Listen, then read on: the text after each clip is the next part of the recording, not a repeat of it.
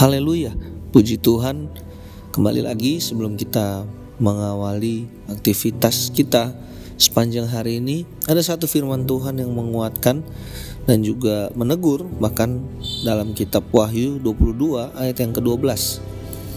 Sesungguhnya aku datang segera dan aku membawa upahku untuk membalaskan kepada setiap orang menurut perbuatannya.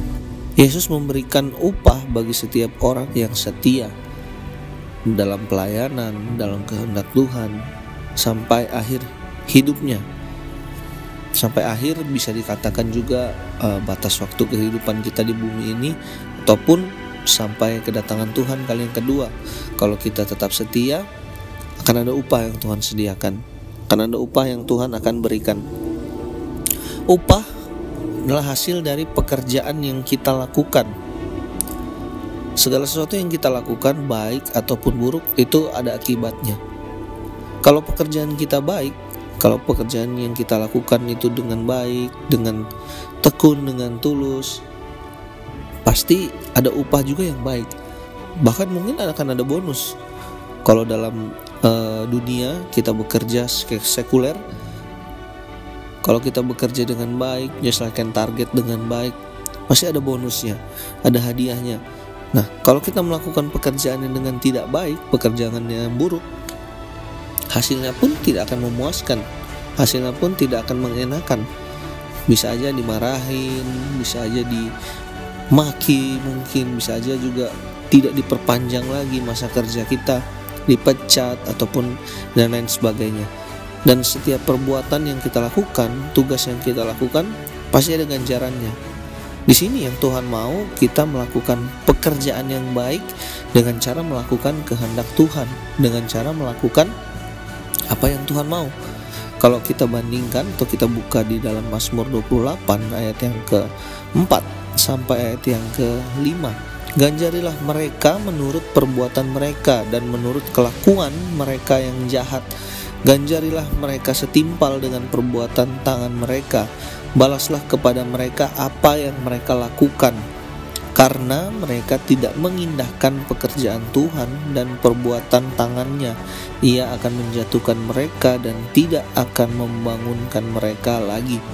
Di sini kita melihat uh, perbuatan orang-orang yang jahat, orang-orang yang tidak melakukan kehendak Tuhan atau tidak mengerjakan, tidak mengindahkan perbuatan tangan Tuhan atau pekerjaan Tuhan akan ada upah atau ganjaran yang akan mereka terima. Seperti kita tahu upah dosa adalah maut. Nah, bagi setiap orang yang melakukan segala sesuatunya tidak sesuai dengan kehendak Tuhan, dengan apa yang diperintahkan Tuhan, hasilnya pasti tidak enak. Hasilnya bisa binasa, Nah, sedangkan orang yang melakukan kehendak Tuhan pasti akan menerima mahkota, akan menerima hadiah, akan menerima sesuatu yang baik kalau kita melakukan pekerjaannya dengan baik. Sepanjang hari ini, pilihan ada di tangan kita apakah kita mau melakukan hal yang baik atau hal yang jahat, hal yang buruk. Semua ada di tangan kita pilihannya.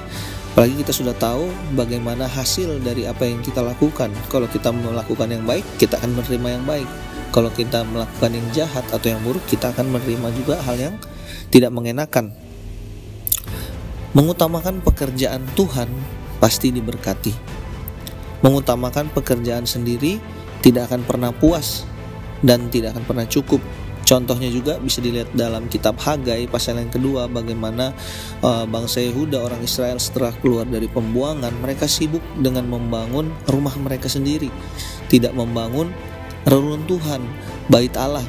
Tidak melanjutkan pekerjaan Tuhan, tidak melanjutkan membangun bangunan atau bait suci atau bait Allah. Yang pada waktu itu bait Allah itu adalah uh, titik utama hubungan mereka bangsa Yehuda dengan Tuhan.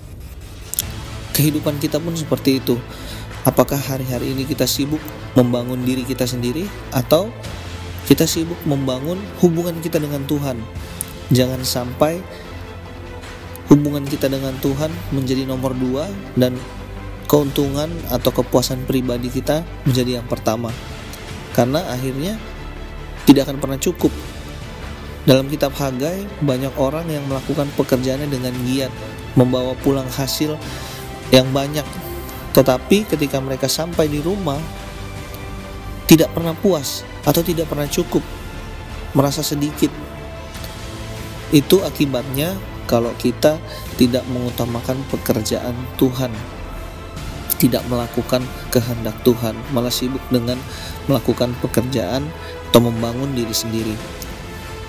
Kita belajar pagi hari ini untuk selalu hidup mengutamakan Tuhan karena segala sesuatunya pasti Tuhan tambahkan, Tuhan limpahkan. Bahkan selalu ada rasa cukup ketika kita selalu mengutamakan Tuhan, selalu melakukan kehendak Tuhan, pasti akan selalu ada rasa cukup. Bahkan kita merasa berkelimpahan karena damai sejahtera dan sukacita yang Tuhan berikan dalam kehidupan kita. Puji Tuhan, Tuhan Yesus memberkati.